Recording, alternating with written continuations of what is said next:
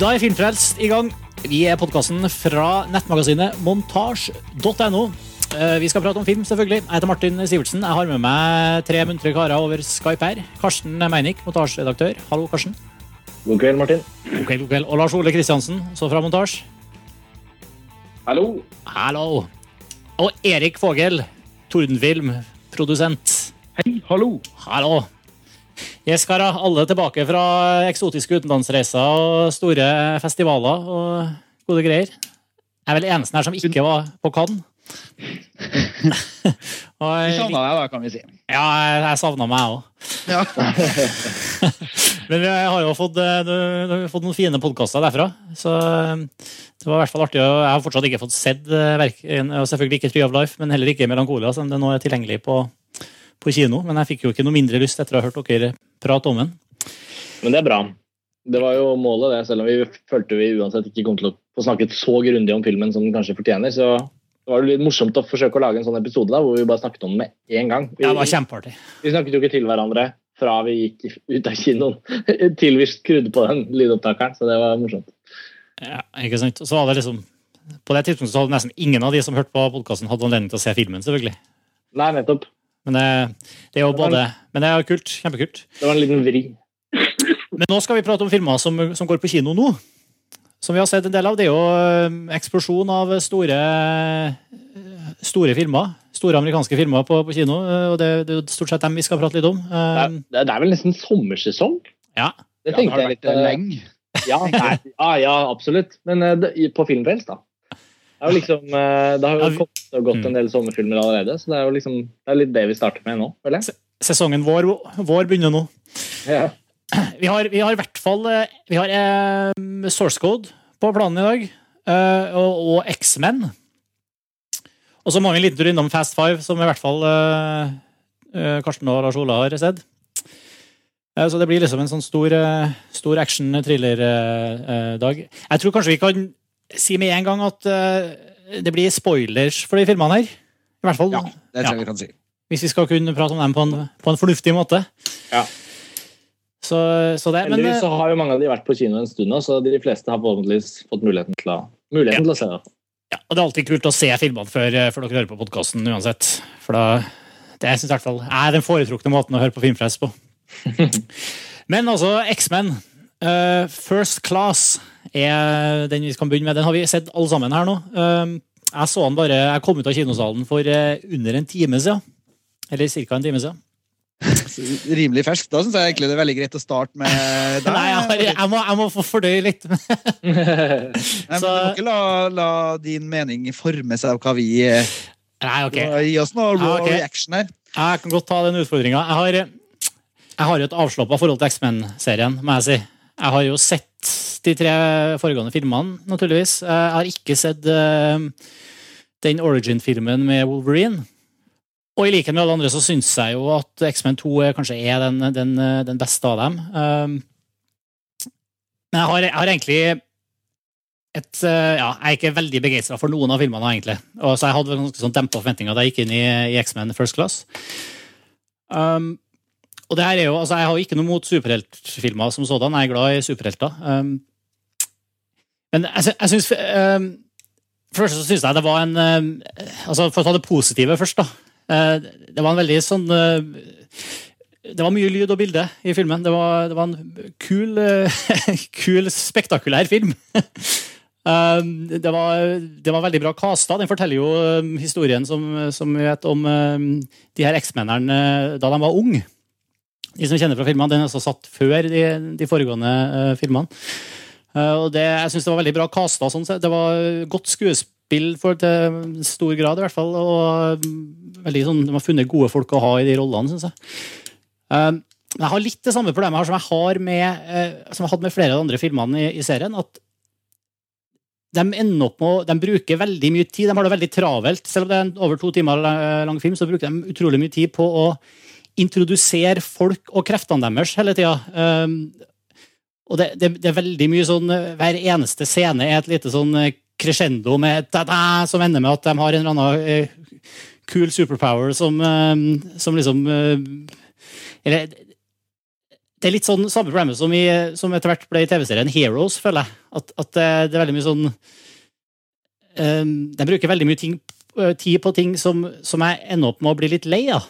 Og, og jeg sitter igjen med en film som egentlig ikke betyr så veldig mye for meg i hele tatt. Jeg sitter ikke og um, jeg, jeg, jeg, føler at det står veldig lite på spill når jeg sitter og ser på filmen. Jeg sitter egentlig og kjeder meg litt. da. Det er liksom, det er den ene, jeg ser den ene, liksom, ene mer idiotiske eller kule superpoweren etter den andre som liksom bare i, kraft, i sånn kamp med hverandre som en slags stein, saks, papir-kamp. Og så, og så eh, ender det som, er liksom, som jeg syns kanskje er det mest interessante, og som, kommer, som er kanskje mest spilt ut i X-Men 2.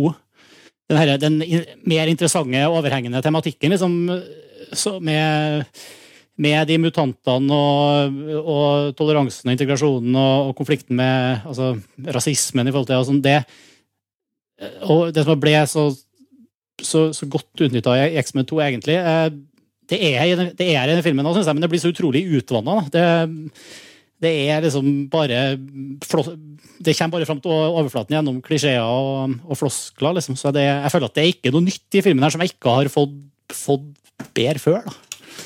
Det er kanskje min eh, Ja. Jeg, jeg satte egentlig ikke så veldig pris på filmen i hele tatt, når jeg tenker meg om.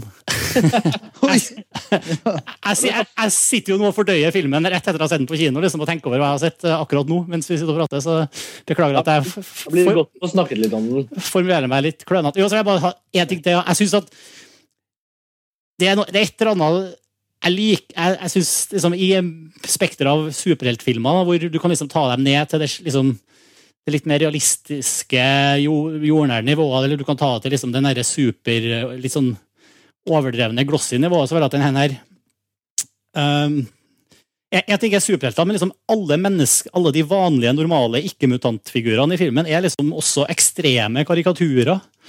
På en sånn måte at, at Selvfølgelig, det er liksom greit nok, det er tegneseriefilm, liksom, men, eh, men, det, men, det, gjør det ikke noe bedre for, for meg, da. Som, eh, som kanskje forventer for mye. Jeg vet ikke.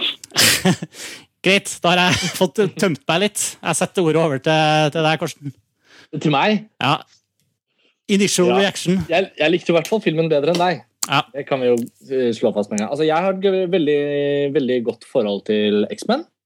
Jeg, jeg, leste en god del av de tegneseriene. Jeg hadde ikke så mye tegneserier hjemme, men jeg fikk ofte lest en del kule ting eh, hos venner og familiemedlemmer. Og X-Men var en av de tingene som jeg syns måte det, Hele premisset er så bra. da. Jeg tror kanskje jeg syns ideen for X-Men-universet er en av de bedre ideene som på en måte eksisterer i denne sjangeren for, på en måte, underholdning. Jeg syns utgangspunktet har alltid vært bra, syns jeg. Altså, ideen har alltid vært liksom, startet på et veldig bra sted, og så er det mer eller mindre vellykket gjennomført. Og, og, det Bryan Singer gjorde med den første filmutgaven av X-Men, med, med, den første filmen og særlig den andre filmen, da, det var jo på en måte å virkelig overføre den følelsen av av eh, på en måte den, ja, den symbolikken som ligger i at, at, man har en gruppe mennesker som utvikler ja, Som muterer det opprinnelige menneskekroppen med spesielle evner, og hvordan vi behandler hvordan vi vanlige mennesker da behandler eh, minoriteter rett og slett i samfunnet. Det er liksom på en måte en veldig åpenbar,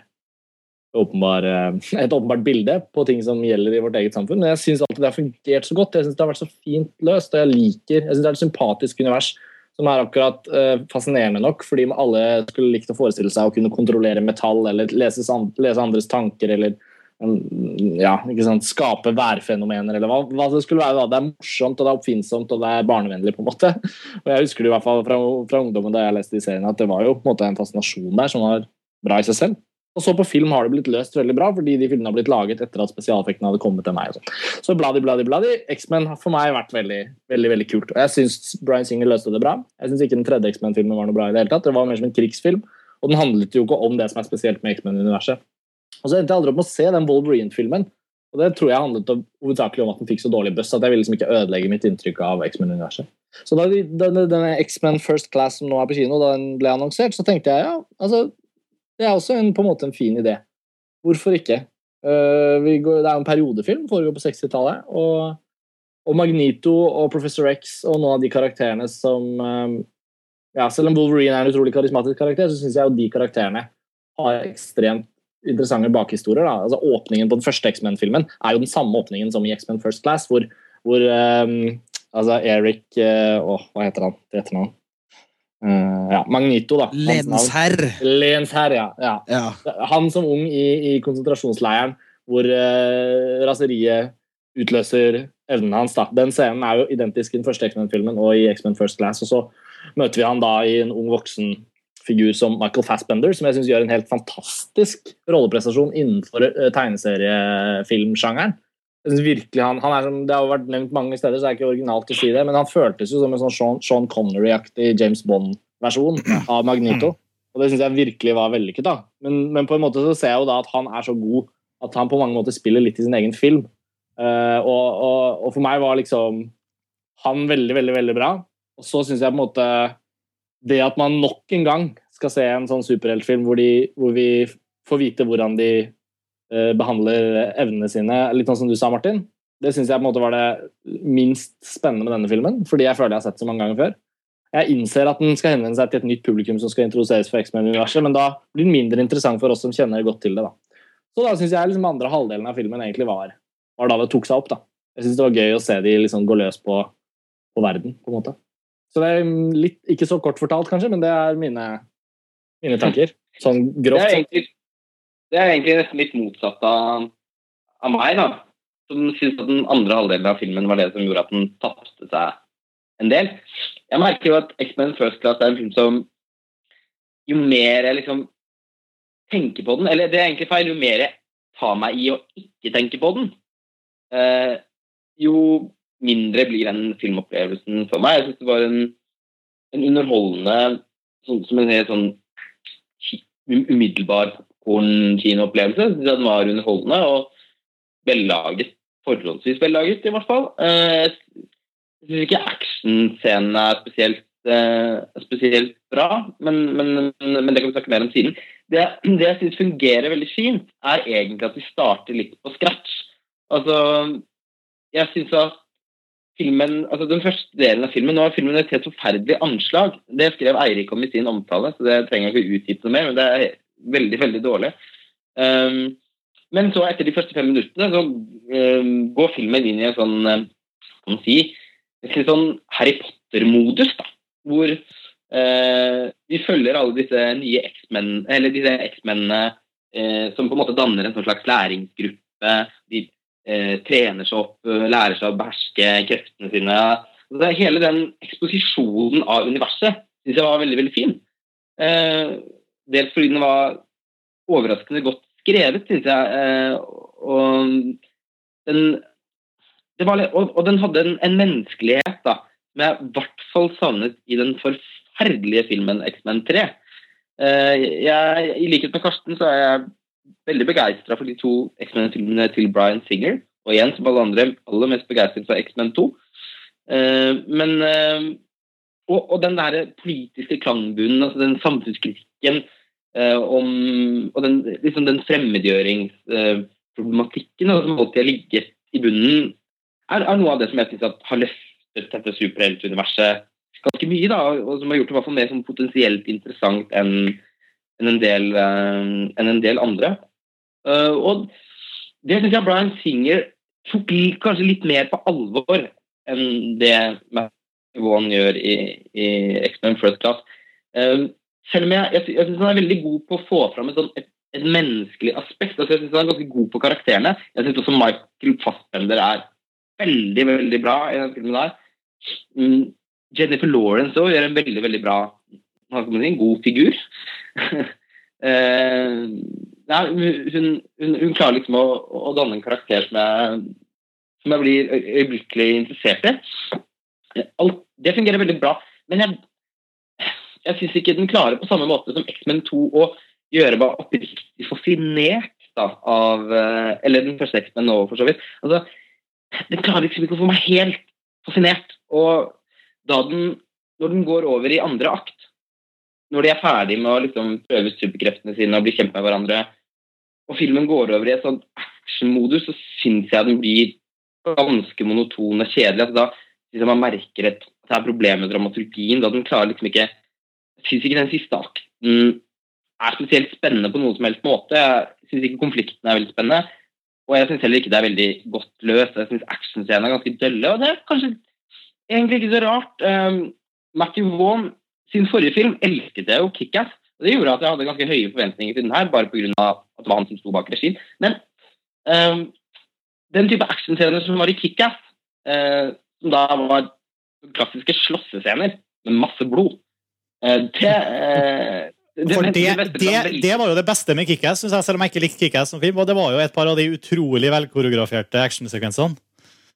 Ja, det var helt makeløst. Mm. Ja, han var helt makeløst. Han var utrolig god på det i den filmen. Den typen action har han vist at han mestrer. Men sånn science fiction superhelt-action med effekter Au!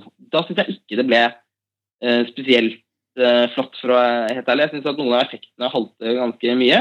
Og jeg syns at de er De er bare litt sånn platt orkestrert. Men han, han, han, har jo, han har jo gjenskapt fly, flyscenen sin da, fra, fra Kickass. Han som, han, som, han som hopper fra taket og bare faller plump ned. ja, det var morsommere i Kickass. ja, det var det. Men det var sånn, som en sånn intern Når du ser det og vet at det var liksom fra Kickass-regissøren, så er det en sånn artig liten greie. Det er autør- en et autørstempel. Men jeg er faktisk litt uenig der, eh, Lars Ole, hvis jeg får hoppe inn på litt òg. håper jeg du kommer og hjelper meg litt, i hvert fall, Erik. Ja, fordi at jeg er også en eh, to tommel opp-mann på det her, altså. Jeg syns det var en eh, rasende god film, og ikke bare en eh, god X-Men-film, og ikke bare en god uh, superheltfilm. Jeg syns uh, ut ifra den oppgaven den skal løse, som, som du også påpeker, Martin, den skal jo Altså, Det er helt riktig at ja, her, altså, here we go again. Det Universet skal introduseres på nytt. Samtidig så skal du tilfredsstille du skal tilfredsstille både massepublikummet og eh, kanskje også vel så viktig eh, dem som kjenner tegneseriene. Du skal både tilby noe nytt og noe gammelt, og du skal Uh, og, og- Matthew Vaughn skal både lage uh, Altså, han skal håndtere all den der eksposisjonen og, og introdusere noen nye mutanter som vi ikke har sett i tidligere filmer. Han skal introdusere gamle mutanter på en ny måte med nye skuespillere. Og, uh, og fortelle det, er jo, det, det her er jo det her er akkurat samme strategien som som altså den Star Trek-rebooten. Mm. Eh, at eh, Her starter en på en ny frisk med nye skuespillere og ny origin-historie. Eh, og så eh, altså Bryan Singer eh, sin visjon, og, og, og det er også for øvrig interessant eh, altså, altså Bryan Singer sin, den er, den er ferdig. Den, den, filmserien, den filmserien som var på tidlig 2000-tall, er ferdig. Her kommer det nye, I det nye tiåret, i 2010-tallet, kommer den nye serien. Eh, men det er interessant at Matthew Vaughan, som regisserte den her, ble også visstnok tilbudt eh, X-Men Last Stand, altså den tredje i den forrige serien, eh, men ment at den ikke At den hadde for dårlig tid til å gjøre den bra, så han takka nei. Og da ble det Brett Ratner som kom inn og fucka opp hele greia. Og jeg må tilstå at jeg så aldri X-Men Last Stand, ei heller Wolverine-filmen fordi eh, rett og slett pga. negativ buzz. da. Og jeg ville ikke ødelegge den gode følelsen som var fra X2. Eh, så jeg egentlig venta litt på det her, men jeg, men jeg var superskeptisk uh, inntil jeg begynte å se trailere og begynte å se materiale og begynte å se ting. Og ikke minst lese en, en del forhåndsomtale. Uh, og gikk inn med altså, skyhøye forventninger og fikk dem egentlig oppfylt. Jeg syns det var smart, smart gjort, og jeg syns ikke effektene var platt. Jeg synes det var veldig eller, eller unnskyld, to ting. Jeg syns ikke actionscenene var platt. Jeg synes det var underholdende. De gikk i flere dimensjoner, og det gikk eh, hurtig uten at det var for ah, Altså for hurtig klipt. Altså, jeg syns det var en del eh, oppfinnsomme ting der. Spesielt den scenen hvor eh, de onde mutantene Ja, vi er jo i spoiler-territoriet. De onde mutantene angriper den treningsbasen for Altså der de starter med å, å, å, og, og bli et sånt CIA-aktig prosjekt, før de senere blir eh, sitt eget. Eh, det syns jeg var ganske Det, var, det synes jeg var, var spenstig. Og så er jeg nok også litt enig i at, at siste delen av filmen, der, det, der liksom en del plott skal gå opp, eh, og Kevin Bacon og, og sånne ting, det var også liksom, det var den, den svakeste delen, men jeg syns ikke den var dårlig. Eh, jeg syns faktisk det var ganske kult gjort det, med å flette inn Cuba-krise og litt sånn kontrafaktisk eh, historie. Eh, det syns jeg var ganske snasent gjort. Um, så jeg syns det var topp. Anbefales. eh, Du er jo ekstra glad i kontrafaktisk historie, da. ja, ja, ja. Jeg tenkte på det. Eh, men det- Jeg er enig med deg, Erik. Jeg er enig med deg. Jeg syns det, jeg syns det var oppfinnsomt. Jeg syns det var ganske kult løst. Jeg syns det var en fin måte når man først er i introduksjonsmodus. da. Hvorfor ikke sette disse karakterene inn i en, inn i en krise de må håndtere, da, på en måte. Samtidig. Ja. Og det, om det var Eirik Ja, sorry. Samtidig som du bruker halve filmen på eksposisjon først. Og det trenger du på en måte òg. Og, eh, og så sett, slipper du dem løs eh, Mm. bare liksom i siste halvdel. Eh, men det trenger du for å Men jeg syns det, det var så velgjort at det ikke kjeder meg.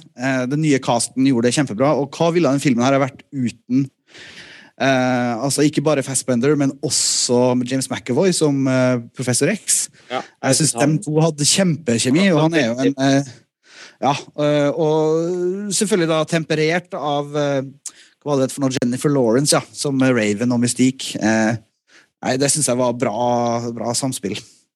Og jeg, selv om hun hadde litt sånn komedierolle, January Jones som ja. eh, den, den hvite, krystallaktige mutant, hvitkledde krystallmutanten, hva heter hun? Du mener bikinikledd superhelt? ja. Emma Frost heter karakteren. Emma Frost. Ja, jeg syns også hun klarte å få en del ut av en rolle som Altså, det var en del eh, Den var spilt med en del eh, riktig ironi, Mm. eh, som funka.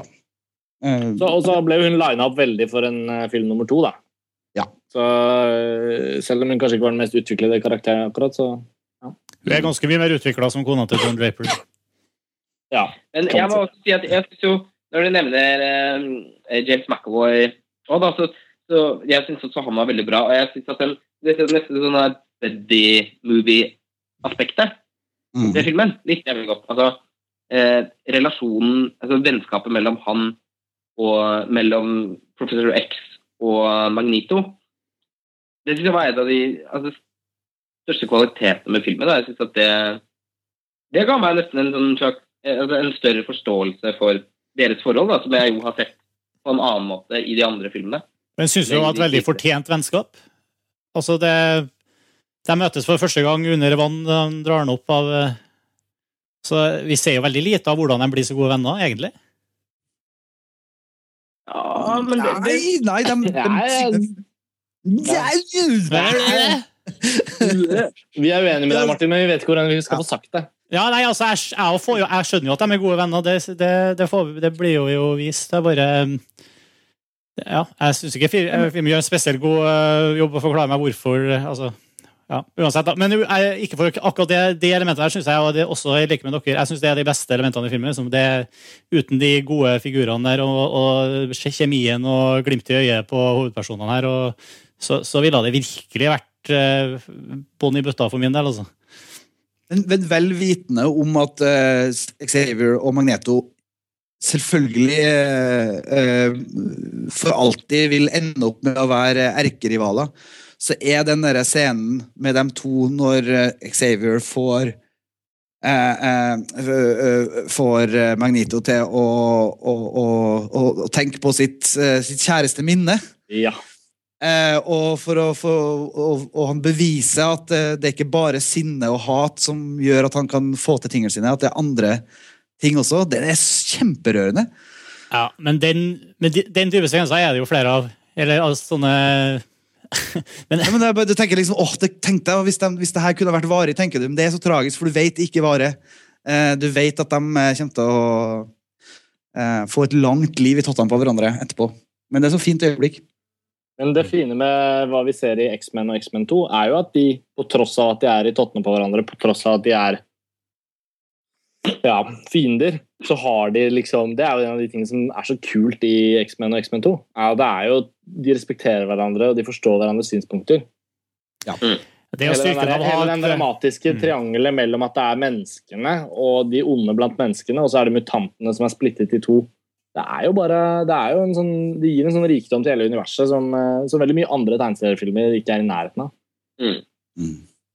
de har liksom De er jo aldri altså de er jo aldri erkefiender i, i, i tradisjonell forstand, som du sier, Karsten. Fordi de, en, de, har, de kjenner hverandre og de har respekt for hverandre.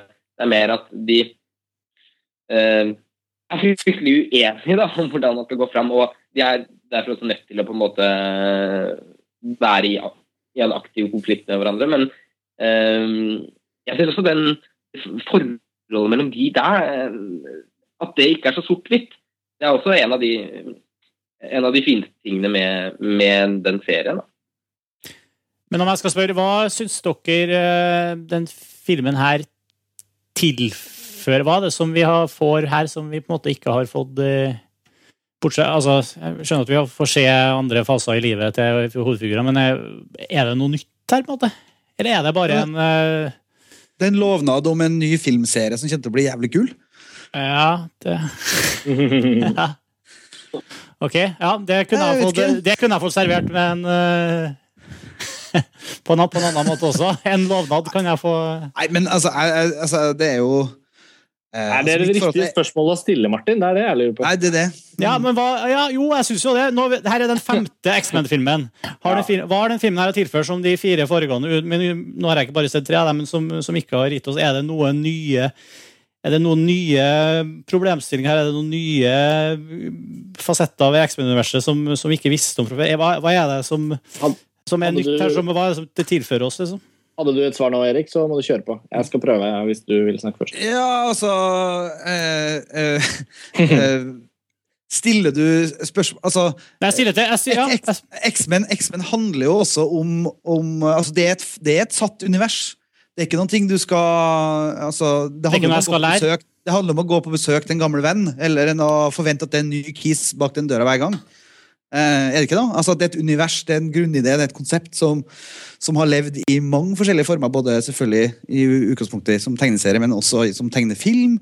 Og som ulike varianter i, i, på, på, spillefilm, eh, liksom. Er ikke det liksom nok, det? Ja, men, nei, men det, det, nei, nei, jeg syns ikke det er nok med et løfte om mer. Og, og bare kryssreferanser på tvers av et, eh, et univers. Okay. Det, det, det syns jeg ikke. er Altså, på en måte så Underholdning for underholdninga seg sjøl syns jeg for så vidt kanskje er nok. Men eh, Det, det er nye ja. eventyr med den samme gjengen, da. Ja, ok, ja. Så du så He-Man eh, på TV når du var liten, du òg? Liksom. Det var jo ikke noe nytt der. Det var bare Skeletor og He-Man som skulle slåss. Så, ja, men jeg ser ikke på He-Man nå lenger, da. Nei, jo, det, er det et argument? Jeg ser ikke på He-Man lenger. Nei, derfor altså, er det her utvalgt. Nei, men la meg virkelig, la meg bare si det helt praktisk. Der. Ja, det var bare mest spørsmål. ja, men for det er spennende. Du setter jo gang en uh, altså, For det første så syns jeg på en måte at X-Men-universet er rikt. Det er masse historier der. Det er masse relasjoner mellom disse forskjellige mutantene. Og det er ting å utbrodere på forholdet mellom mutanter og mennesker. Det er jo en grunn til at X-Men 2 er en film som vi alle trekker fram. Det er jo fordi at den, den, spenner opp konflikten mellom menneskene og mutantene på den mest interessante måten hittil i filmversjonene.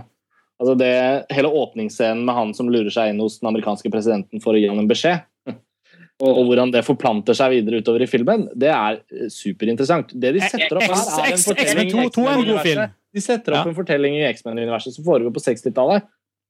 Menneskene får vite om mutantene for første gang, i hvert fall i hermetegn. Altså. Det, det, har jo vært noe hemmelig, liksom, bla, bla, vi vet at det er noe. Men her er det liksom åpenbart at når denne filmen er over, det er da menneskene for alvor begynner å frykte hva mutantene eh, vil bety for samfunnet for øvrig. Og, og det de kan utbrodere nå, nå kan du, Jeg syns jo denne filmen på en måte, en av de tingene jeg kanskje ikke satte så pris på, var at den lå i et litt sånn lett, delvis humoristisk univers.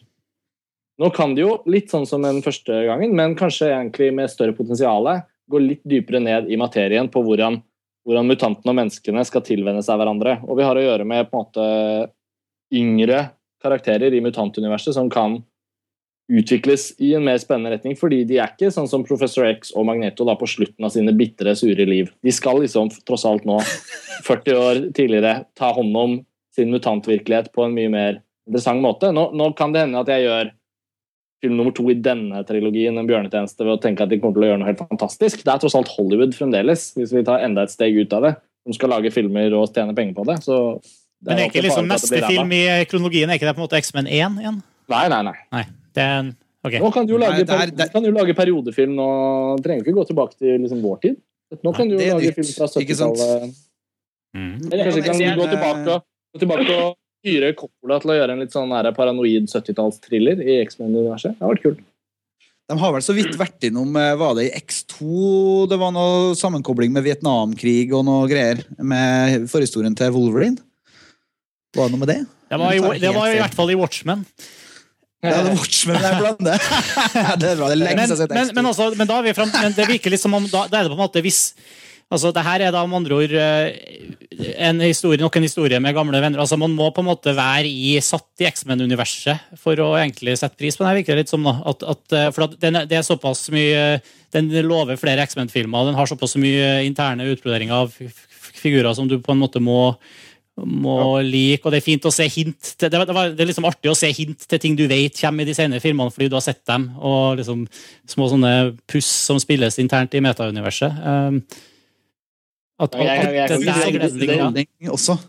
Er no, det er nok en He-Man-episode. Ja. Mm. Jo, men jeg tenker nå etter å ha sett den First Class, da, selv om jeg også tenker at den kunne vært bedre og, og den har sine begrensninger, så tenker jeg at, uh, at uh, X-Men er nå presentert på en såpass åpen måte at jeg fint kunne tatt med meg lillesøsteren på den filmen. og hun ville, Lillesøsteren min som ikke kjenner til X-Men, jeg er sikker på at hun kunne hooka ganske lett inn på det universet nå og fått lyst på mer.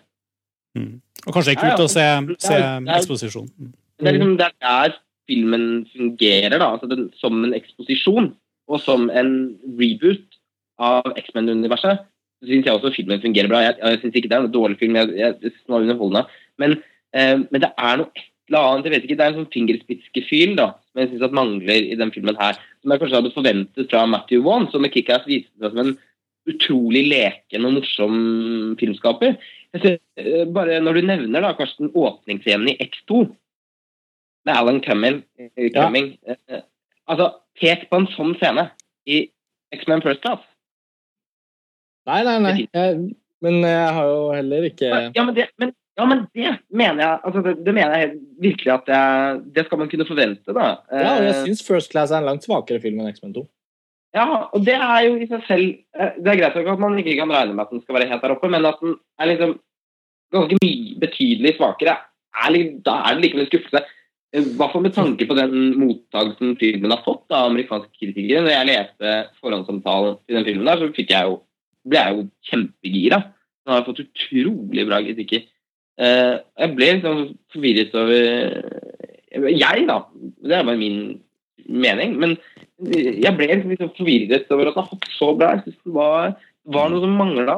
Og det var hakkete, det var sånn hakkete dramaturgi når vi snakker om ehm, og Det er greit nok da at det er kanskje, kanskje jeg opplevde den action Var veldig surmaga i forhold til de actionsekvensene. Kanskje jeg bør se den en gang til, og vi syns de er bedre andre gang. Men jeg syns likevel overgangen fra liksom første til andre akt den, den flyter ikke helt for meg. da. Jeg synes at hele de, de opptreningssekvensene som, synes jeg, som jeg sa i stad, er veldig artige. Uh, men jeg vil også på en måte se at de, når de da på en måte skal gå ut i praksis, da, så, så vil jeg liksom ha en slags fase i filmen hvor de går ut og tester kreftene sine på litt mindre situasjoner. Det går liksom rett fra klasserommet og over til Cuba-krisen. Og det er missiler og båter og eksplosjoner. Sånn, den overgangen der henger ikke helt på grep med. Da. Det blir sånn OK, da er vi ferdig. Kjør på. Bom. Og da, da jeg klarer ikke å Da mister jeg litt av engasjementet for den siste, for den siste akten. Altså. Vi skal ha en time til. Ja, eller som Eirik hadde jo en Eller det var, det var kanskje både deg og Eirik, Lars Ole, etter visningen vi var på, at det en av dere kom med et innspill om at kanskje filmen egentlig kunne sluttet med at de bestemmer seg for å dra for å hjelpe til, eller dra for å gjøre noe. Mm. Og at det blir en mye mye mer cliffhanger-aktig slutt. da, Og at en film nummer to kunne kanskje handlet om at de tar grep og blir Altså, jeg vet ikke, jeg tror jeg kunne godt vært enig i det. på en måte. Det er ikke sånn at jeg, Selv om jeg likte slutten av filmen, så betyr ikke det at jeg ikke ser at den kanskje kunne vært lagt opp litt annerledes. eller... Da ville jeg jo fått samme skuffelse som jeg fikk på The Matrix. Som jeg, jo, jeg elsker jo The Matrix, men i det Neo, spoiler alert, flyr mot oss i siste bildet, her jeg snakket om før, så trodde jeg liksom Yes! Nå skal vi i gang! Og så er det rett på credits. Jeg ble så skuffa. De. Men det er jo- et løfte om mer. Ja, for det, alle, vi andre, alle vi andre, Erik, vi tenkte at woho, nå Ja, ikke sant. Ikke sant. Nei, Og det, men- og, det, og det er jo rett før Matrix har stoppa alle kulene i lufta med nøyaktig samme sekvens som Magnito gjør på slutten av eh, filmen her, når han stopper alle rakettene. alt er større nå, vet du. Ti år senere, så kulere det. Det må være. Yes, yes. Men eh, Erik, du gir to tomler opp. Jeg gjør det, altså. Jeg synes Ja. det var en fryktelig underholdende film, og den har også et hjerte, og den er eh, takket være skuespillerne, tenker jeg, mer enn eh, noe annet, eh, som klarer å Jeg kom på en annen, annen greie liksom sånn eh, til deg, Martin. Hvis eh, altså, vi, med, liksom, Du stiller spørsmålet er det nok, eh, eller, og da tenker jeg at eh, det her er Du kan se på X-Men First Class som en ikke bare, ikke bare som en kommersiell reboot, som det jo er, som er laga for å tjene penger, først og fremst, og for å utnytte et eh, univers med karakterer, men også som en nyoppsetning av et gammelt stykke. tenker jeg. Eh, Det synes jeg er en fin analogi, for da blir det vanskelig for deg å argumentere imot. At det er ingen som, ingen som klager på Shakespeare-stykkene som settes opp på nytt og på nytt i nye tapninger. Og det altså Hvis man skulle stilt eh, det nok, da hadde jo ting stoppa ved det Globe Theater den gangen for noen hundre år siden. Nå har jeg, ser jeg kanskje ikke på ja. Det forutsetter at eh, originalstykket er godt nok, da. Altså, Ja, ikke sant? Det- Shakespeares er opprinnelige er verk. Vi er enige om at karakterene og universet og ideen og konseptet og mennesker versus mutanter at det er bra nok. Var ikke det Jeg, jeg, er jeg er veldig enig. Karsten sier at det er et veldig utrolig bra utgangspunkt for et eh, Altså et av de mest interessante utgangspunktene for et superheltunivers. Fordi den er så Ja. Det har jo en samfunnsrelevans som er ganske interessant. Altså, hvis man skal ta en dude som Supermann i forhold, så tenker jeg liksom at han er kanskje en av de mest uinteressante tegneseriefigurene når alt kommer til alt. Pluss at han kan jo nesten bekjempe hva som helst. Det er liksom Ja. nesten ikke ja. Ikke Men, men det konseptet kan jeg fatte uten å se denne filmen. for å si det sånn. Beklager at jeg hoster litt nå, forresten. Jeg, jeg skal prøve å trykke på mute når det kommer. og Supermann skal jo også rebootes. Ja, av Zack Snyder.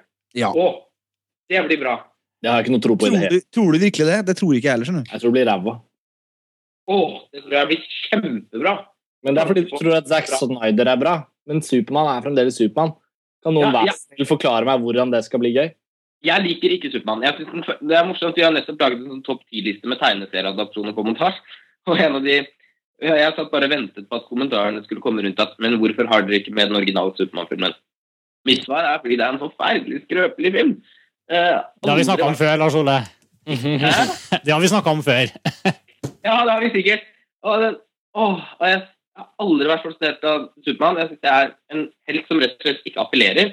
Jeg synes det er merkelig at han, ingen kjenner han igjen når han får på seg et par briller. Det er, sikkert, det er sånne kameler som man egentlig skal svelge, men akkurat jeg gjør ikke det i den tilfellet der. Men så tenker jeg som sånn Hvis det er én person som skal kunne klare å lage noe kult ut av noe, ut av noe sånt, så er det Zack Snyder. Fordi han har en egen evne til å mm, Skal jeg formulere meg nå uh, han, han, han har liksom en egen evne til å få det som er litt sånn ræva, til å bli uh, litt flott. Sånn som i f.eks. C100. Og elementer i Watchmen også. Watchmen syns jeg er en helt fantastisk film. Og bare sånn som et element der som f.eks. Dr. Manhattan, som også så, utro, i så utrolig mange andre sine hender, så tror jeg det ville fungert ganske så dårlig på Finn. Enorm blå muskelbunt med en uh, hengende penis som slenger rundt. Uh, han, det, altså det er så merkelig at uh, Det er liksom hinsides bad taste. Men hvor er, hvor er Watchman i topp 10-lista di? Ja? Ja, ja, Ikke de, jeg- deres. Det var, en, det var flere enn Lars Ole som skulle avgjøre den listen. Eh, hadde Lars Ole fått lage en alene, så tror jeg Watchmen hadde kommet med. Mm. Den hadde kommet høyt. Det var veldig leit at jeg ikke lagde den alene, merker jeg. Det, var, det er vi Det alle lei meste oss er kjedelig å gjøre sammen med andre. Dessverre. Ok, Nå, nå hører jeg at diskusjonen sklir ut i, i Watchmen og, og Supermann. Men, eh, men Erik var litt på vei til å oppsummere med å si jeg gir den to, to tomler opp. Og jeg gir den også to tomler opp. Jeg merket kanskje i løpet av samtalen at du er enda større fan enn meg, Erik. Men jeg syns folk skal gå og se X-Men. Og hvis det er noen som hører på som ikke har noe særlig forhold til X-Men-universet, så tror jeg de vil nesten ha ekstra glede av den. Og jeg gir, også to, jeg, jeg gir den også to tomler opp. da. Jeg har, jeg har riktignok ti tommeltotter. Ja. Jeg, jeg gir den Det er bra. Nå opererer vi plutselig med veldig forskjellige skalaer, da. Men da må jeg si at jeg gir den en halv, en avventende tommel opp, men bare én. Altså, det vil si noe tre av fem stjerner. Hvordan ser en avventende tommel ut? Ja, den er litt sånn Den er litt sånn. Parkinsons. Sa du tre, sa du tre eller to av fem stjerner? Tre av fem stjerner. Nei, det må jo bli to. Hvis det er en, av, en avventende tommel. For hvis du har én tommel som ikke er avventende, så er det jo to og en halv stjerne. Ja, Hvis ikke så hadde det vært en overivrig tommel. Jeg liker at de diskuterer sant. tomler. Ja, ok. Det er relativt svake stjerner da, for meg. Ja, men jeg syns, jeg det, er en, det er en forholdsvis god underholdningsfilm. Jeg Den er bedre enn en, en mye annet rart som går på kino. Så, um, så, så, så jeg, hører, jeg, sikkert, jeg hører sikkert mer negativ ut enn det jeg egentlig er. Det er, en, det, er sikkert, det er en film jeg faktisk gjerne kunne tenke meg å se en gang til på video. liksom. Så den, For all del. Eh, det, er, det er ikke noen film jeg frabefaler folk å se på kino. Men bare for å avslutte det, jeg tror altså eh, Zack Snyder sin Supermann eh, altså produsert av Christopher Nolan Det er noe med det prosjektet der som, som, som tiltaler meg. Jeg, jeg tror Det er faktisk Det er en av de filmene jeg gleder meg mest til eh, år. Men nå er jeg en av de sju personene i hele verden som elsker Sucker Punch. Så min mening Det kan jo hende at min mening rett og slett ikke kan telle i den sammenhengen. her. Det er veldig reflektert sagt, syns Det er veldig raust uh, å melde deg som mulig inhabil her, altså. Jeg er så raus, vet du. Nei, ja. Men du, du, du sa at, eh, at eh, altså, i forhold til at det er en popkornfilm og sånne ting, og det er jo, det er jo, vi skal snakke om andre popkornfilmer òg. Og eh, bare eh, sånn trivia-messig, den har jo altså X-Men First Class har blitt eh, mottatt veldig bra både av eh, kritikere og publikum. Men den neste filmen som vi kanskje skal begynne å bevege oss over til, som er Source Code, den, den har opplevd å ha hatt mer delt Altså Det kommer litt an på hvor du kikker, men, men den har hatt litt delt eh, kritikk. Men eh, Eller den deler publikummet sitt litt mer eh, i to, kanskje. Eh, er det på tide å snakke om den? Det syns jeg var en god, god segway. Absolutt. Um, Et forsøk, i hvert fall. ja. Vi har jo um, Det har blitt skrevet mye om Source Code uh, i montasje. Det betyr at det er i hvert fall en film vi alle har hatt uh, eh, Det er en stor interesse for den filmen. da. Eh, I hvert fall uh, blant oss. Eh, Du har ikke rukket å sette den ennå, Erik? Nei, og det er faktisk veldig eh, Altså, det er veldig enkelt eh, Altså, det har vært dårlig med tid, og da er det faktisk Det som har holdt meg fra å se den, er faktisk den der, Den lille murringa som har vært fra dem som ikke har likt filmen. Det har liksom vært nok til å holde meg unna kino enn så lenge, da. Men jeg jeg vil gjerne høre hva dere har å si nå, altså, for jeg er jo stor fan av Duncan Jones sin første film, Moon. Eh, Som også delte oss. Ja, jeg elska jo den. Og, og, og sånn sett har jeg liksom venta på Source Code, men, men det er også hans første på en måte store studiofilm.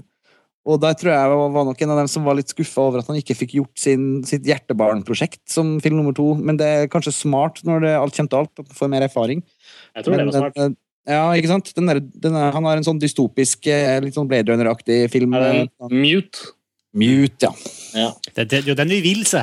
Det er den vi vil se, og så kom det her isteden. og så- Nei, nei, nei, nei. Men, men Source Code er ikke et stort studioprosjekt. Altså det, den har noe sånn 30 millioner i budsjett, produsert av Er det Summit eller altså en av de her små, Riktig. små. Altså, den er ikke en, det er ikke en sånn stor, gammeldags studiofilm, hvis de okay. filmene fins lenger. Men den er definitivt selvfølgelig et høyere budsjettsprosjekt enn det Moon var. Jeg har faktisk ikke fått sett Moon, jeg. Bare for å skyte inn det. Eh, Den var jo altså kanskje altså 2009 var jo oppstartsåret for montasje, og det var vel da den kom. Og jeg mener å huske at det var da kanskje en av de filmene fremfor noe i 2009 som var så hypa opp at jeg tenkte dette må jo være en klassiker. Eh, og så oppsto det en eller annen form for sånn merkelig hype mot-hype. eh, som ble litt for eh, Det ble litt for saturert for meg. Til slutt så hadde jeg liksom ikke noe lyst til å se den lenger. Jeg følte jeg hadde allerede sett den. Erika jeg tok jo hausa han opp i en dedikert en egen hel, fi, fin til den. Ja, ja, ja, og det var ikke noe selvfølgelig i veien med det. Jeg syns virkelig man skal snakke om det som man ble engasjert av. Men jeg ble bare fordi tilfeldighetene gjorde at jeg ikke fikk sett filmen, så ble jeg sittende litt på siden av det hele, og til slutt så hadde jeg liksom ikke noe mer Jeg følte ikke at jeg trengte å se den. Men det er jo feil. Nå har jeg veldig lyst til å se den etter å ha sett Source Code. Nå føler jeg liksom at det er mer og mer nødvendig. Yes. Men eh, hva, hvordan, eh, hvordan var ditt møte med Source Code, da, Karsten? Ja, X-Men er jo noe vi har sett rimelig nylig, og Source Code uh, var, eh, ble vist på filmfestivalen uh, uh, i Trondheim, Kosmorama, som nå er nesten over to måneder siden. Så jo, den har jo sunket litt inn.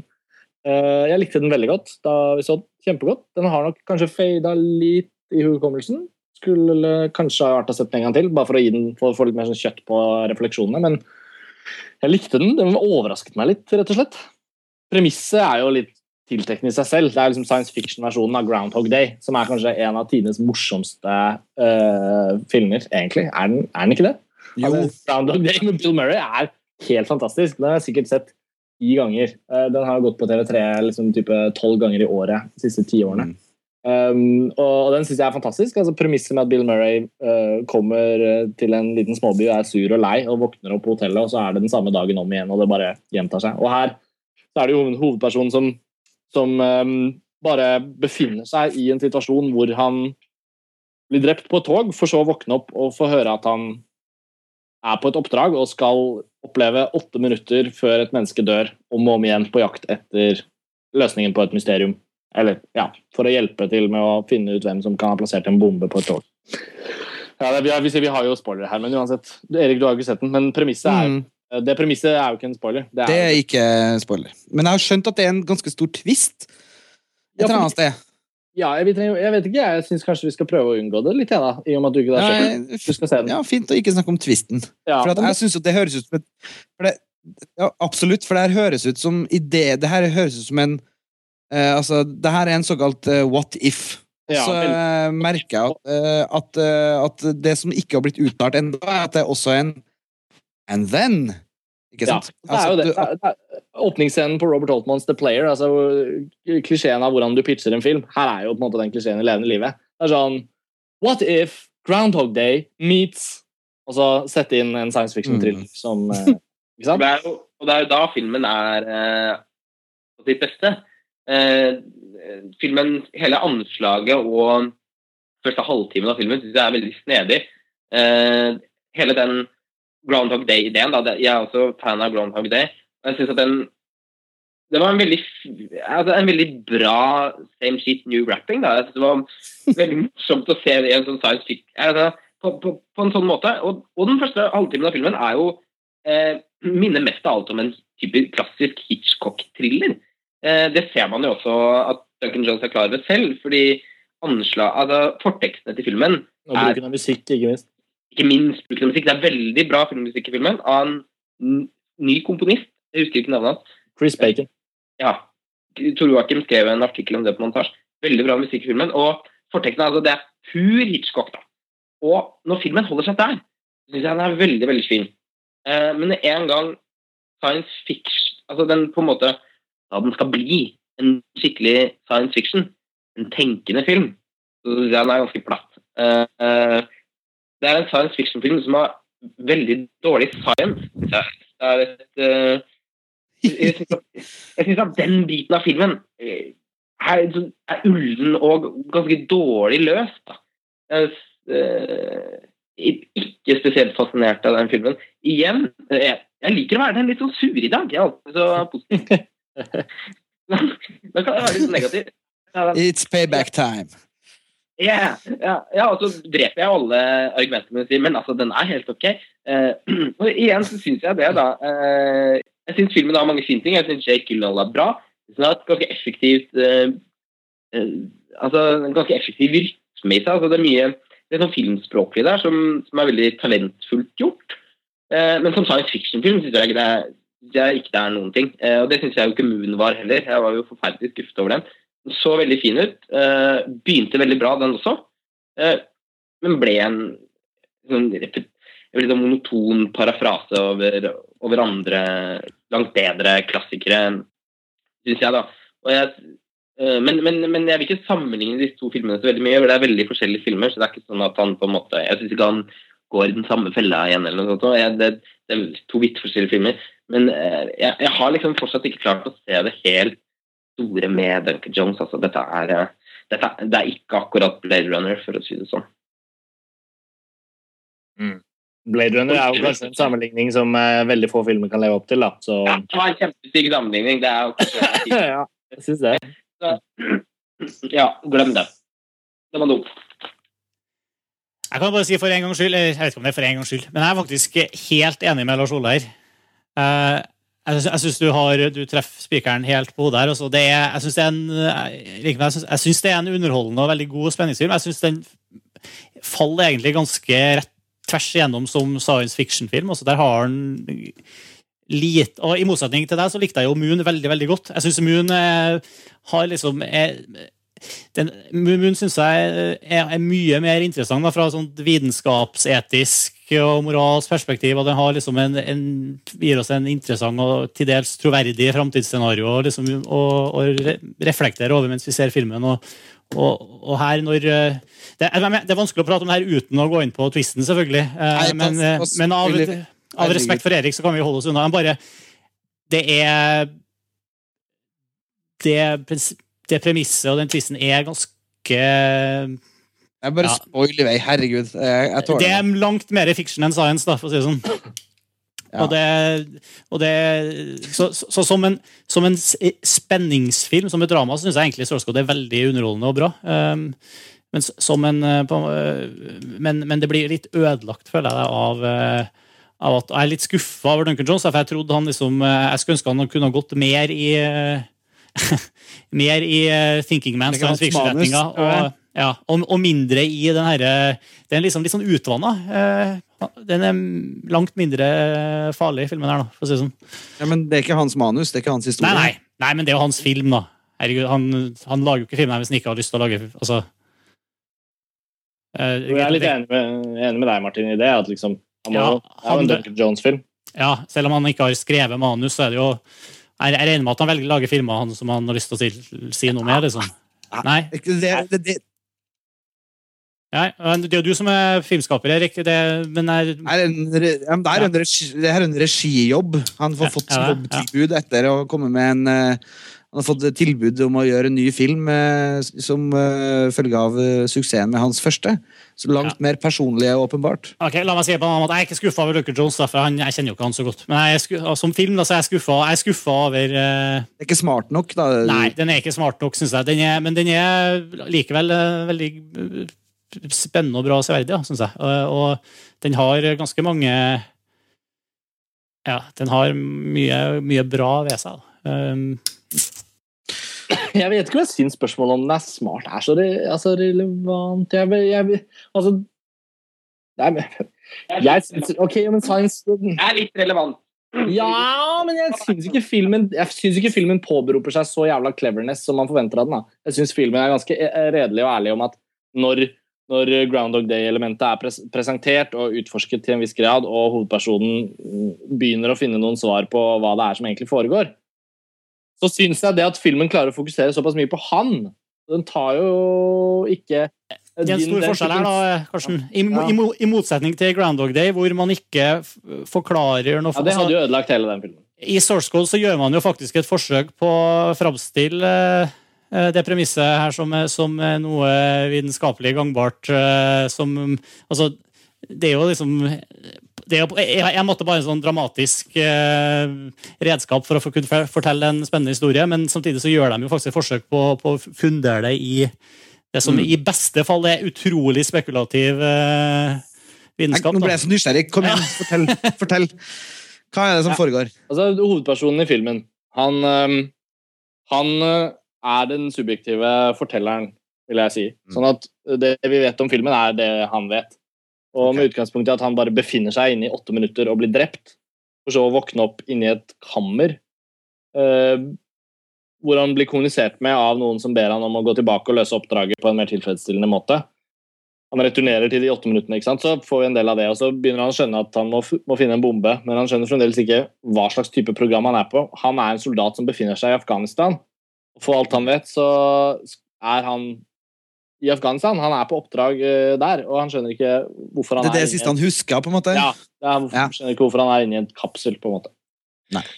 Um, og så den kommunikasjonen han har ut mot de som styrer dette programmet han er med i. da. For De formulerer det på den måten at du er nå en del av et, eh, et spesialprogram hvor vi, hvor vi håndterer um, håndterer katastrofer gjennom en form for teknologi eller en form for ja, Mennesker som dør, etterlater seg en form for sånn aura som varer i åtte minutter. Og vi, vi, vi, kan nå tappe inn på Aura er kanskje litt veldig uscience uh, beskrivelse, men det er sånn jeg husker det. da. En form for sånn aura ja, som vi kan tappe inn på i åtte minutter før de blir drept. Og, og, og det er på en måte ja, Spørsmålet er om er det en parallellvirkelighet, eller er det på en måte bare de åtte minuttene.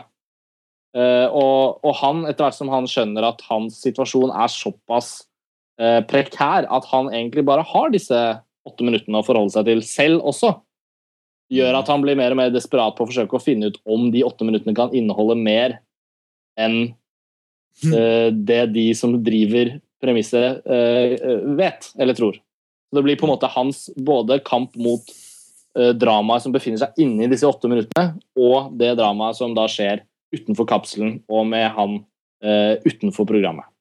Må jo si det, det høres uh, ut som det reneste sprøyt. Jo, men filmen prøver ikke å gjøre det så ekstremt alvorlig akseptabelt at det må aksepteres. Jeg gjorde ikke det. Jeg tenker det er fjas. Det er film. Det er tull. Det er, mm. meg, liksom, det er mye mer alvorlig for meg i science fiction-filmer som virkelig altså Sånn som Sunshine. Mm en film som har så mye nestenvitenskap på plass at jeg er helt inne i den. Og så mm. går den over i en fase hvor den både skifter sjanger og skifter ganske mye av, det som gjør at man aksepterer den. Da, da syns jeg det blir vanskeligere. I Source Code så syns jeg det er såpass nesten metafysisk og litt sånn whatever. Altså, jeg syns han var en engasjerende karakter. Jeg syns liksom faktisk spenningen var mye viktigere for meg enn at liksom sciencen skulle være så troverdig. Da. Så sånn sett så må jeg bare si meg litt uenig i at det eh, senker kvaliteten på filmopplevelsen. Det gjorde det ikke for meg. Ja. Nei, for hvis du først aksepterer premisset om, hvis du først aksepterer premisset om at eh, Som står i på en måte i synopsis, og som fortelles i traileren, og som på en måte er ikke-spoilersk at eh, en fyr gjenopplever de samme åtte minuttene gang på gang. Hvis du har akseptert det, så skjønner jeg at eh, da er, må det være Ja, men også, det, det, er bare første del av historien. Det, altså, det er jo som, som, For å si det litt enkelt For det første så, så kan du da gjenoppleve de, ses, de, siste åtte minuttene til en person som har dødd, ved å se på det, det derre se på hjernespor i eh, neuronene i hjernen hans fra de siste åtte minuttene. Men i tillegg til å gå inn og gjenoppleve de siste åtte minuttene, så, så blir han i tillegg kasta inn i et uh, parallelt univers. Hvor uh, han kan, uh, som kanskje sier, liksom, ikke bare oppleve det som han personen opplevde de siste åtte minuttene, men faktisk gå ut og utforske det universet og finne og gjøre ting der og finne svar på ting som ikke den opprinnelige personen hadde tilgang til. Og, og det er på en måte sånn og, og altså, det er jo parallelle univers.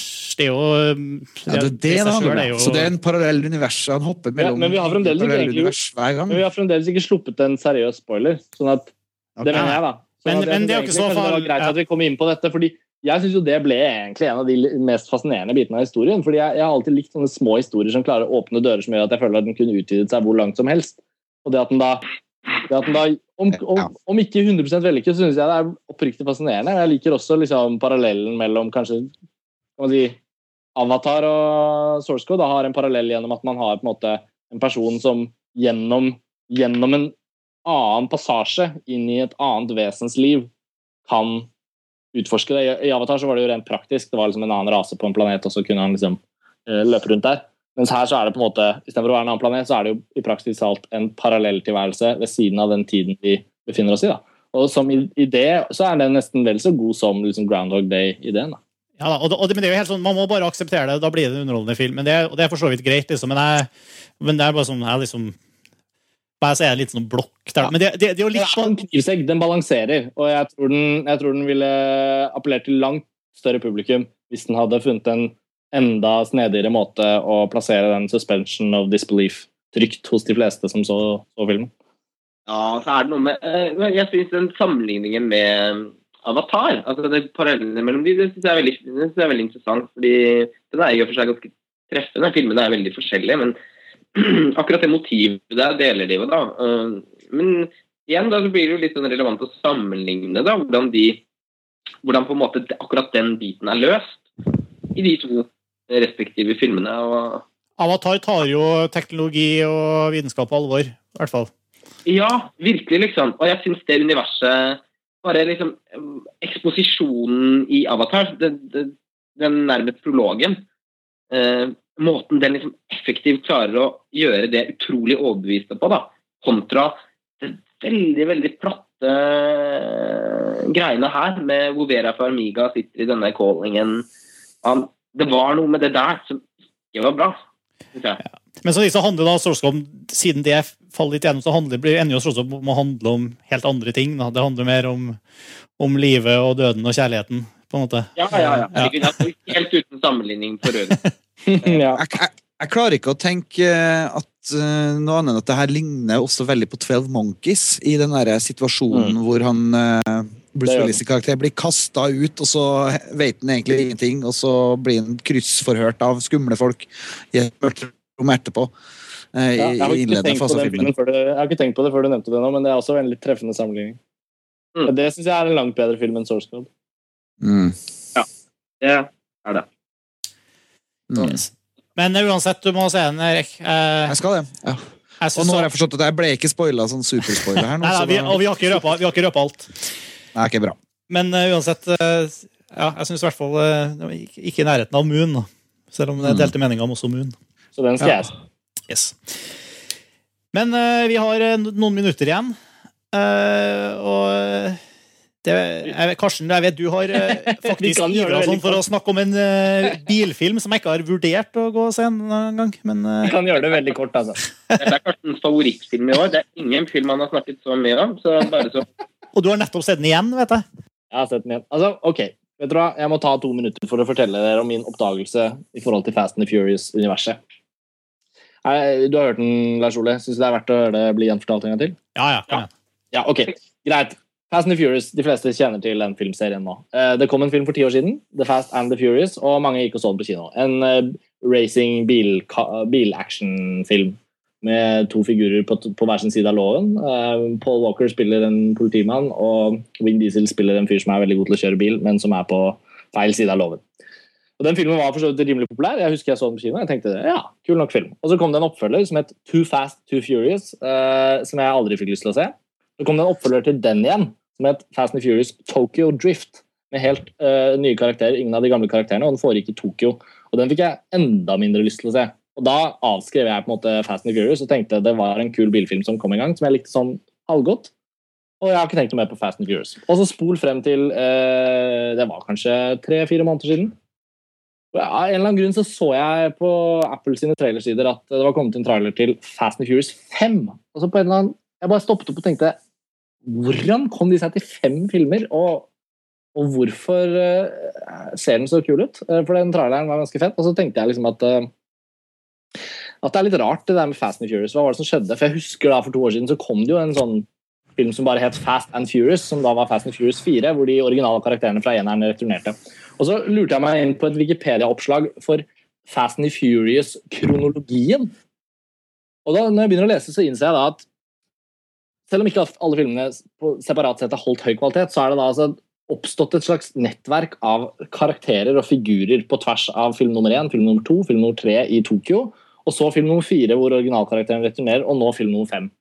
Og bare basert på at jeg satt der på Wikipedia og leste, så ble jeg bare sånn jeg ble oppriktig nysgjerrig på hvordan det hang sammen. Særlig fordi at det er eh, kronologi på tvers av filmene som foregår uh, i forskjellige år. Sånn at fireren og femmeren foregår f.eks. før treeren. Men det vet man jo ikke egentlig før man setter seg ned og ser Nei, det er jo sånn som de fem X-Men-filmerne. Ja. så, eh, jeg gleder meg til å se sekseren hvor noen spiller Vin Vin Diesel som ung. Nei, men eh, vet du, Det resulterte rett og slett at jeg tenkte nå skal jeg se Fast and Furious-filmene.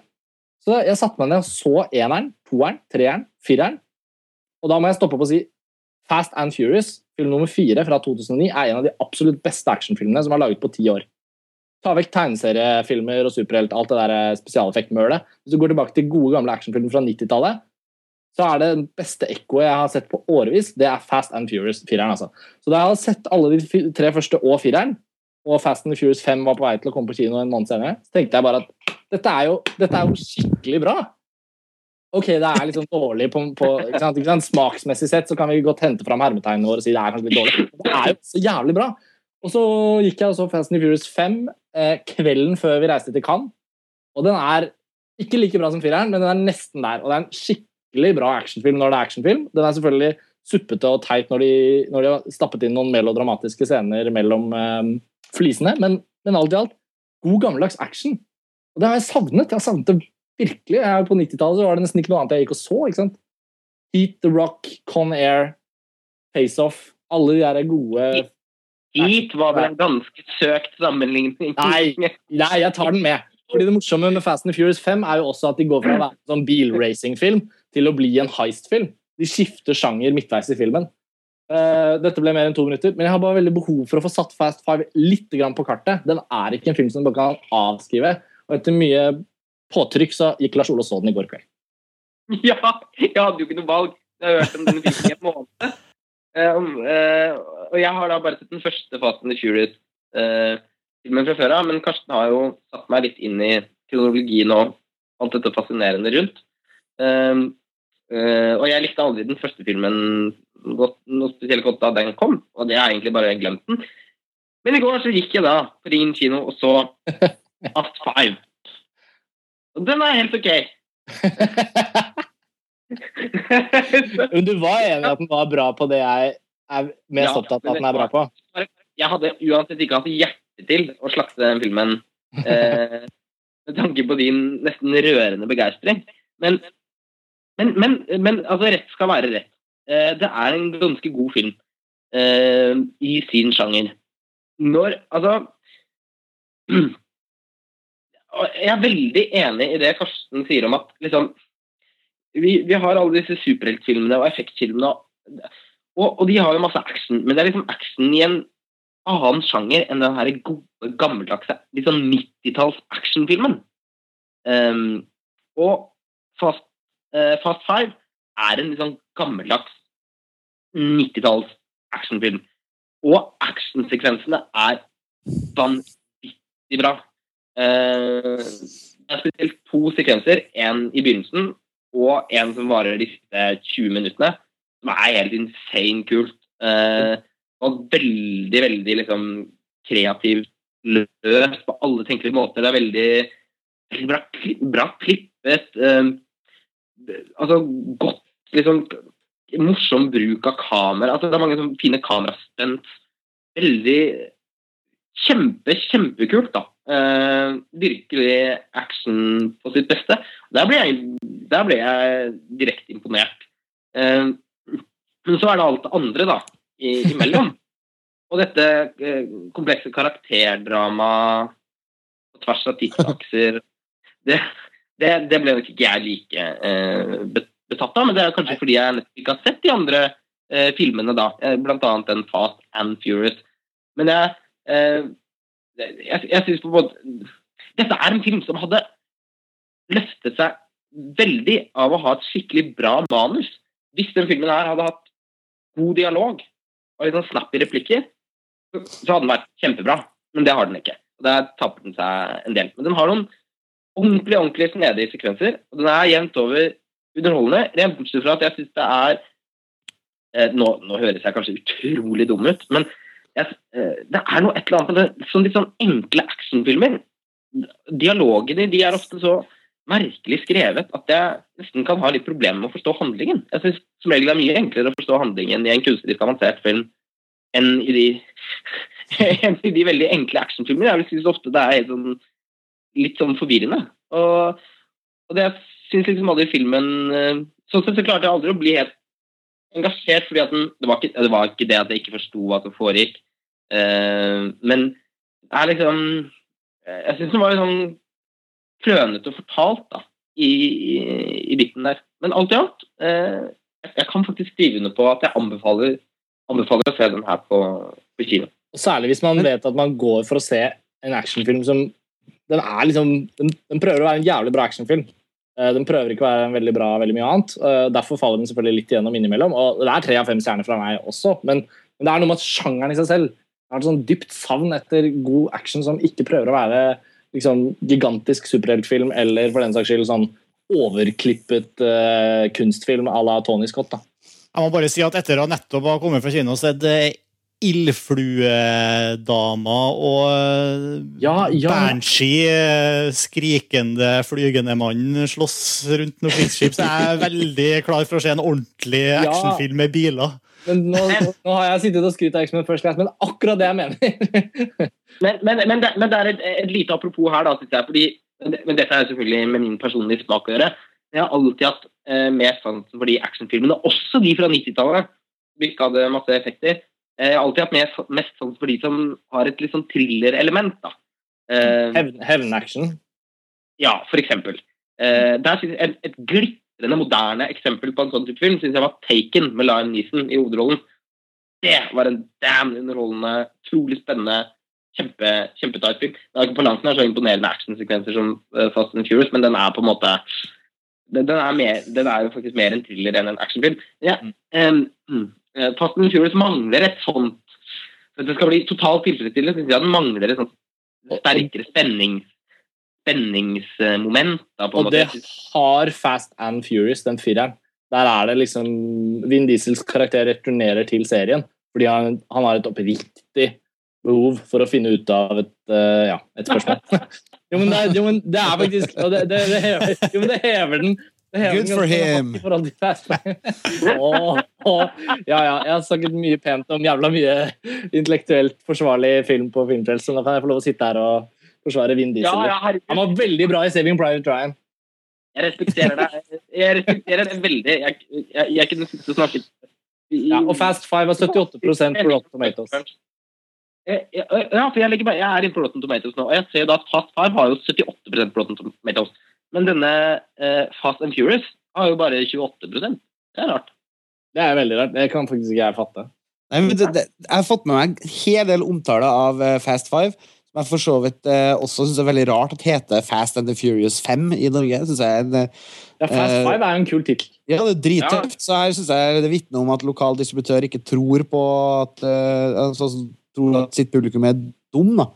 Og, men ok, det er en annen sak. Men, men, eh, men Fast Five eh, har jo blitt eh, i forhåndsomtalen også, øh, som jeg har hørt på andre podkaster og lest, at Altså at uh, altså, Det er et comeback for serien etter eh, nettopp en svak firer. Da. Så jeg tror du er litt sånn alene i den uh, oppfatninga der, eh, Karsten. Ja, men vet du hva, det kan jeg nesten ikke begripe.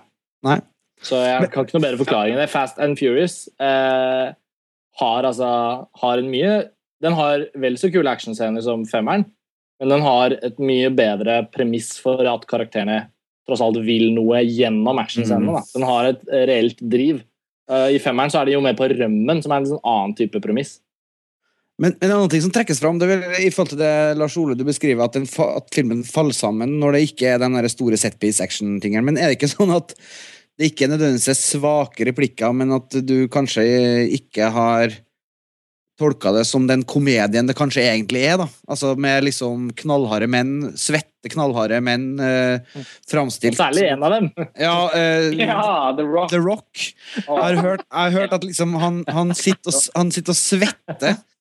eh, selv når det er innendørs i aircondition i, i scener i filmen. Og det, jeg tenker det vitner om humor da, fra filmskaperne. Så sier jeg at Ja, ja, men- alle de one-linerne og håpløse plot-diskusjonene blir liksom en del av underholdningen gjennom at det er ment ironisk. da. Men, men Rock er sinnssykt morsom i den filmen her. Han er jo Han, det som virkelig løfter det. han er en veldig smart uh, Faktisk, hø- nå hører jeg meg selv si det fra utsiden, men han er faktisk en veldig smart skuespiller i den filmen. her. Han spiller jo en sånn understated, uh, selvironisk komedie gjennom denne filmen. Mm. Som jeg tror han lærte seg på The Other Guys, den komedien med Mark Wahlberg og, Ja. og Will Ferrell, som han spilte i, hvor han spiller en sånn over the top politifyr. Uh, og han tar det liksom et hakk videre her. Og det er, det er faktisk hysterisk. Og det er en sånn bjørne, bjørnescene midt i filmen hvor han og Vin Diesel denger løs på hverandre. Som jo er hysterisk. Altså, den er så morsom at uh, ja. Det er er også- Det er også ting aldri slutt. Den er helt utrolig lang. Det, det, her, stryker jeg filmen medhårs. Det, det, det, det skjønner jeg at det er morsomt. Ja. Um, men det var liksom, men jeg vet ikke helt, men jeg tror den er ment så grenseløst morsom. Eller det var ikke noe sånn Nei. Det var preget ironisk film, syns jeg. Ja, men det er litt sånn som jeg husker når vi snakket om Thor for lenge siden. Mine forventninger til Thor var at det kom til å bli en, en hysterisk morsom campfilm. Og så skjønte jeg at det var ingen, som, ingen av dere i montasje i fall, som så det inn i det hele tatt. Så da holdt jeg meg unna. Men her kanskje Sivert var der. Ja, han var helt der. Eh, men, eh, ja. men er ikke det liksom den camp-faktoren i Fast Five? Er ikke den eh, også underholdende liksom nok til at du, du, du humrer med, og så Det, det er vel ikke helt camp Altså Det som er morsomt med den, er eh, for så vidt altså, The Rocks karakter er morsom, og så er det liksom comic relief-karakterer som er skrevet for å være morsomme. Men Mm. eh, de tar jo på en måte sin egen tone i filmen tar seg selv liksom seriøst. Det er ikke sånn, Mm. det er ikke sånn Se hvor halvdårlig det er, derfor er det morsomt. Det er det ikke. Ikke i det hele tatt. Nei, Jeg men jeg bare tenker at det kan fortsatt gjøres tongue in cheek. Da. Det kan fortsatt gjøres uh, med finesse. Det gjør det mer gjennom karakterer, enkeltkarakterer, enn Ja. hele, hele Ja. filmen. Akkurat. Men ok, Hvis jeg skal se en Fast uh, and the Furious-film, eller hva de nå heter, skal jeg Ja, se fireren eller femmeren? Nei, tre, Eneren og fireren og femmeren er jo liksom de, de som er ordentlig bra. Og toeren og treeren er eh, liksom tøv. Den første er vel ikke ordentlig bra. Nei, ok, da. Fireren jo men, jo, men det er litt, man må ha sett, man må ha blitt kjent med karakter... Jeg tror det er, i hvert fall i forhold til karakterelementet, som jeg har begynt å sette litt pris på, da er det jo liksom greit å se Hvis man uansett har sett den, så er det greit, men hvis man ikke har sett noen av filmene, tenker jeg liksom at det er litt meningsløst å gå på fireren uten å ha sett eneren. Jeg har sett eneren, da. Ja, så da fireren og femmeren. Yes. Ok, bra. Da er vi i mål. Ved veis ende. Jeg er på kartet, jeg er veldig glad for det. Tusen takk. Skulle bare mangle. Kan jeg få dele ut en pris på slutten av uh, podkasten her? Gjør det, Erik. Eh, for god verbing til Karsten Meinick eh, utdeles eh, prisen Den uh, gylne makaroni. Uh, God verbing. For, uh, god verbing, fordi du sa at du lurte deg inn på en Wikipedia-side. Det syns jeg var veldig kreativt sagt. Bare hyggelig. Og jeg liksom bare lurer på Hvordan ser det ut? At du lurer deg inn på en Ja, jeg- Wikipedia-side?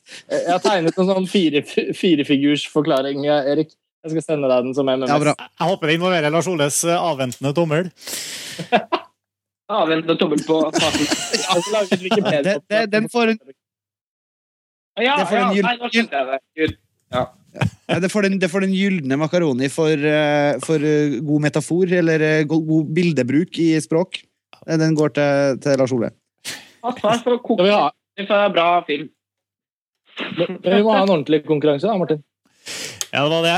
Vi, konkurransen har havna, havna litt bakpå etter de eh, adhoc-kanepisodene. Kan-episodene. Så jeg har ikke fått samla verken konkurranseklipp eller konkurransemails eller noen ting, så jeg tror vi må komme tilbake til konkurransen vår neste episode her, faktisk. Ja, et lite, et lite pust i bakken, rett og slett. Rett og slett. Mm. Da, kan jo, da kan jo lytterne knivslipe ørene til neste episode. Og så, Og tørrtrene og se masse film i tilfelle vi spiller et klipp fra akkurat den filmen. ikke sant? Det kommer, hvis, det er noen hjul som bremser opp, så er det sikkert ikke Fast and Furious, for der bremser de ikke. Kanskje det blir, en, kanskje det blir dobbeltpris neste gang òg, Martin? Kanskje. Vi kan se hva vi kan få til. Vi, har- vi har flere DVD-pakker å gi ut, i hvert fall. jeg syns jo den her first class-ideen med Fast and Furious den var jo ikke så dum. Jeg synes jo, du burde jo nesten sende inn en pitch til han Justin Linn, Karsten. Ja, Med- altså, Det er liksom barn at de sitter og leker med sånn modellbaner. ja, ja, Fast and the Furious Junior, på en måte. Mm. Ja. Og, og over Olsenbanden Lesten. Ja, jeg skal tenke litt på det. Jeg skal tenke litt på det. Jeg tror vi avslutter episoden her av Filmfrelst med, som, som X-Men First Class med løfte om mer. Vi er, vi er tilbake om kun, kun få uker. Yes. Takk for laget, folkens. Ja, takk for laget. Det har vært veldig koselig. Ja, da, absolutt. Takk. Ha det. Vi høres. Ha det bra. Hey.